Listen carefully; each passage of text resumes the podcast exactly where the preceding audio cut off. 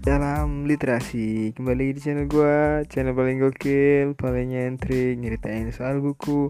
Buat kawan-kawan pecinta buku sahabat cerita dari buku.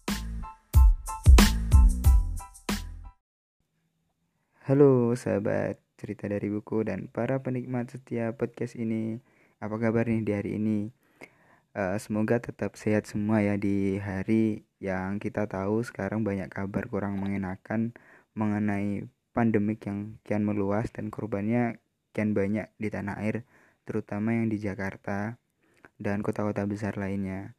Harapannya buat kalian yang sekarang lagi merantau atau buat mahasiswa-mahasiswa yang sedang mengadu nasibnya untuk belajar di kota-kota besar seperti Surabaya yang sudah uh, diwanti oleh pemerintah menjadi zona merah. Jakarta juga tetap waspada di sana yang belum bisa pulang ke kampung halamannya dan harapannya buat teman-teman tetap uh, social distancing jaga di rumah atau WFH work from home uh, lakuin semua yang bisa dilakuin di dalam ruangan atau di rumah. Jangan maksakan diri untuk keluar. Dan tetap waspada jangan panik karena virus ini pasti ada obatnya dan pasti akan ada vaksinnya Tuhan memberikan kita sebuah masalah pasti ada solusinya. Gitu teman-teman cerita dari buku. Oke itu aja sih tips buat hari ini. Dan kita langsung aja masuk ke podcast ini. Pasti kalian gak sabar. Oke teman-teman sekalian di podcast kali ini kita kedatangan tamu yang sangat nyentrik. Uh, tamunya seorang perempuan atau wanita. Kalian penasaran pasti siapa. Oke aku bakalan kenalin singkat siapa dia dan apa sih yang mau diceritain oleh dia. Jadi tamu kita kali ini atau kontributor di podcast kali ini adalah seorang mahasiswa juga yang sedang kuliah di Institut Teknologi 10 November Surabaya atau ITS teman-teman. Uh, namanya seperti teman-teman lihat di cover podcast ini Aulia Marta.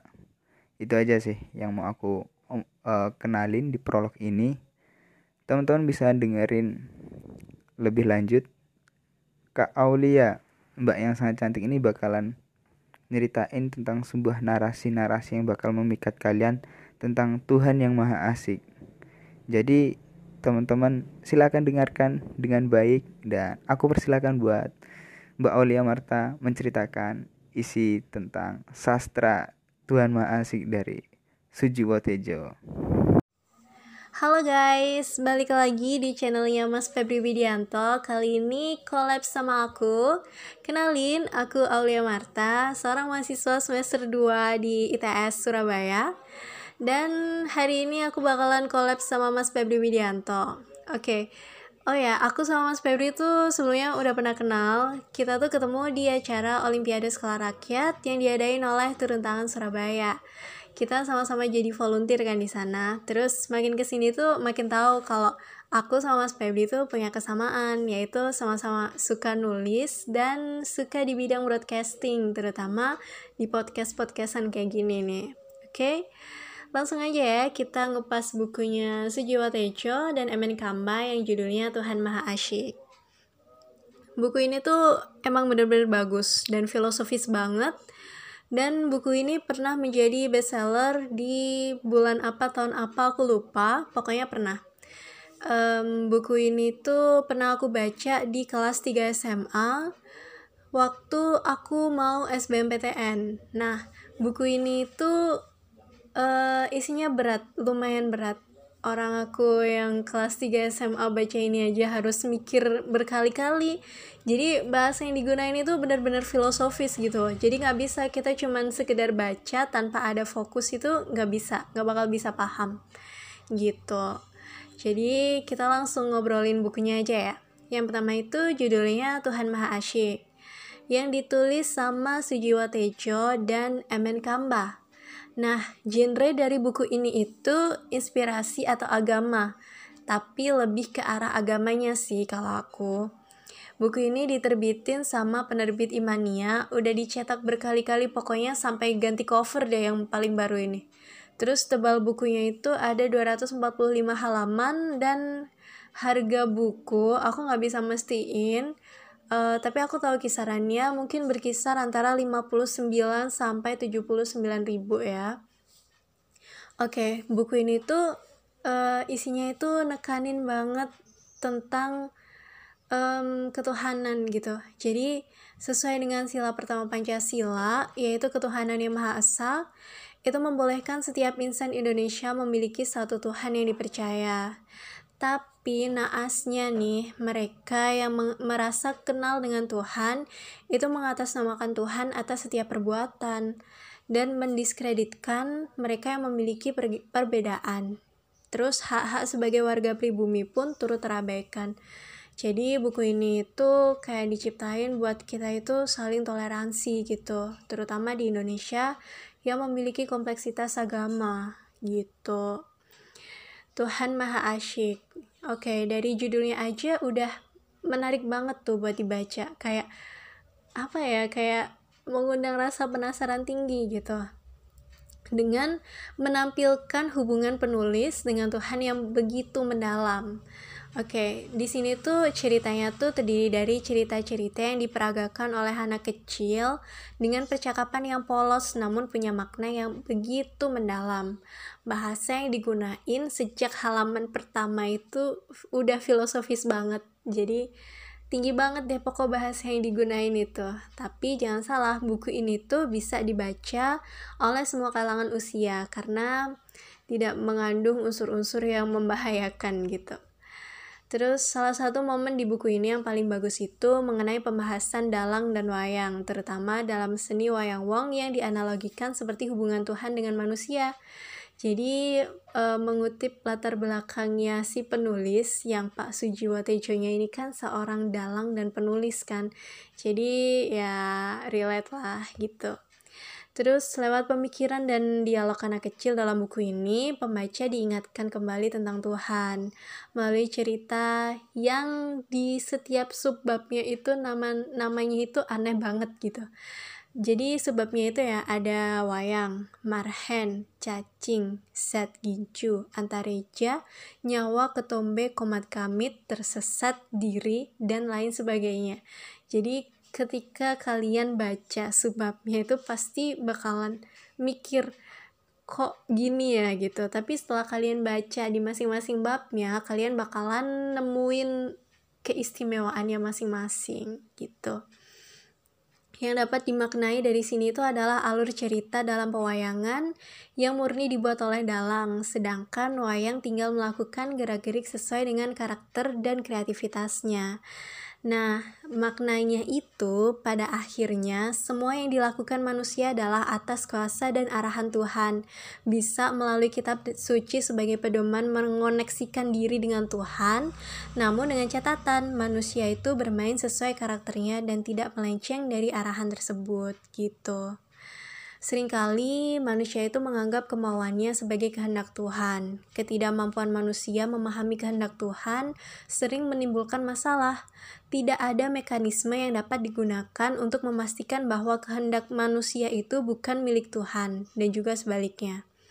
Namun, setiap kebaikan adalah kehendak Tuhan. Kebiasaan yang dilakukan terus-menerus seolah sudah menjadi karakter. Hal ini bukan berarti tidak bisa berubah mindset atau cara pandang sangat ditentukan pengalaman dan pendidikan.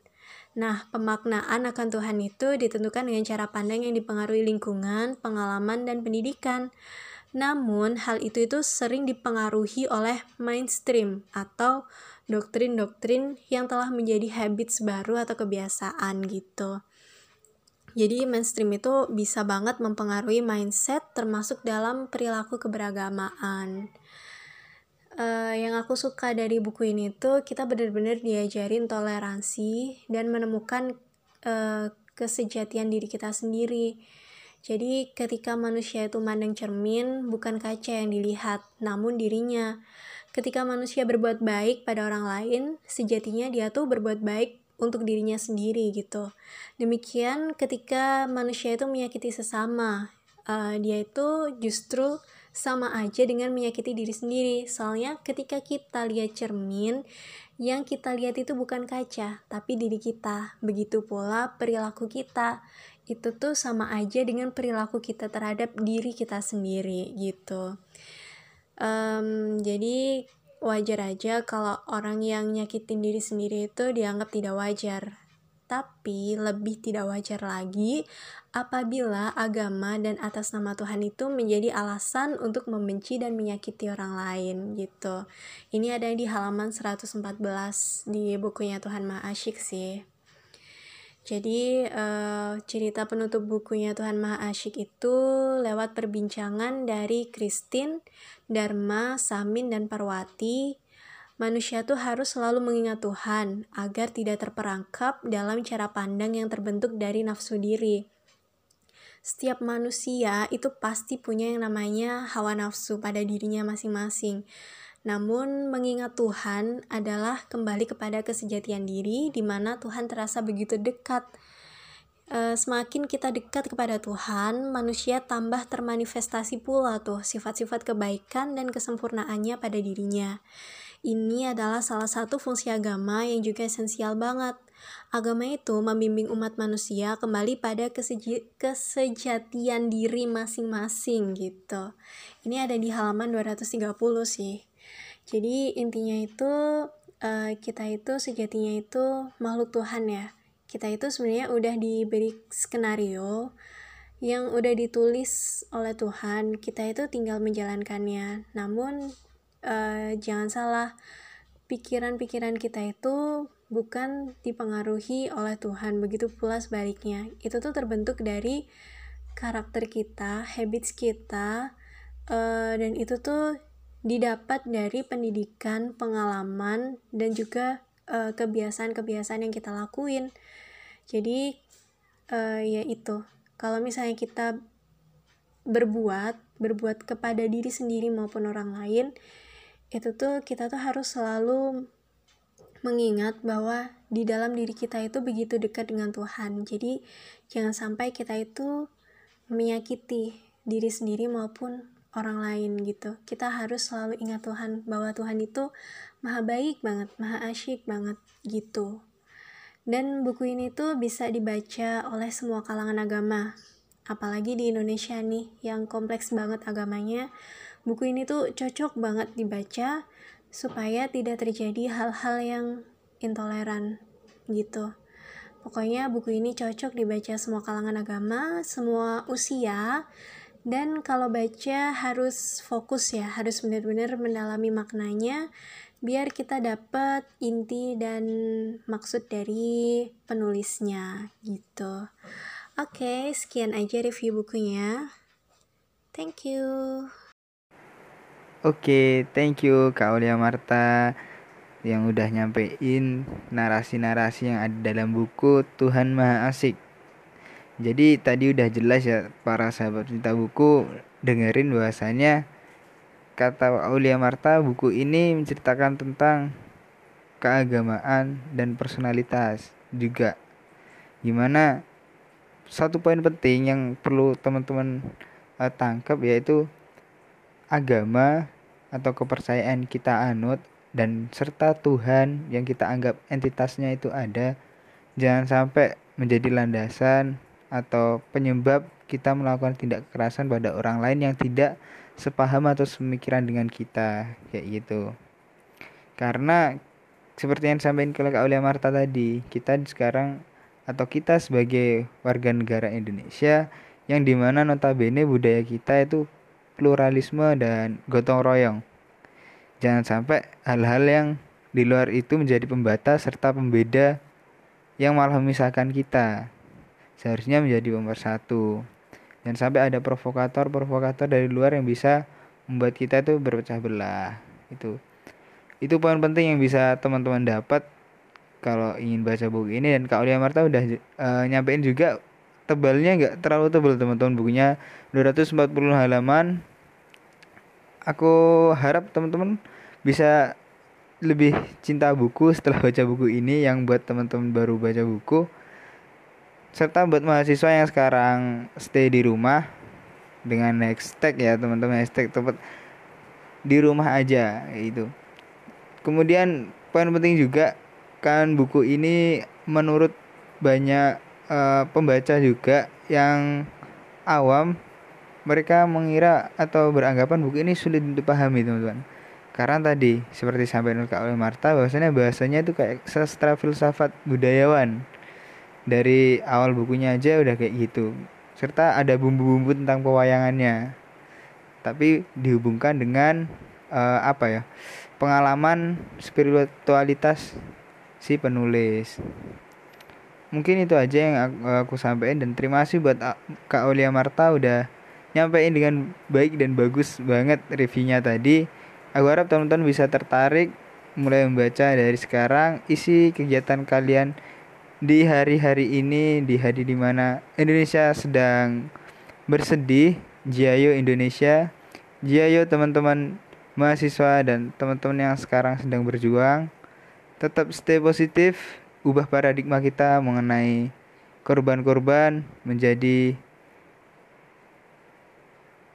lebih baik. Dan tetap stay tune on this channel. Tunggu review-review buku selanjutnya. Dan terakhir salam dari aku mewakili juga Kak Aulia Marta. Salam literasi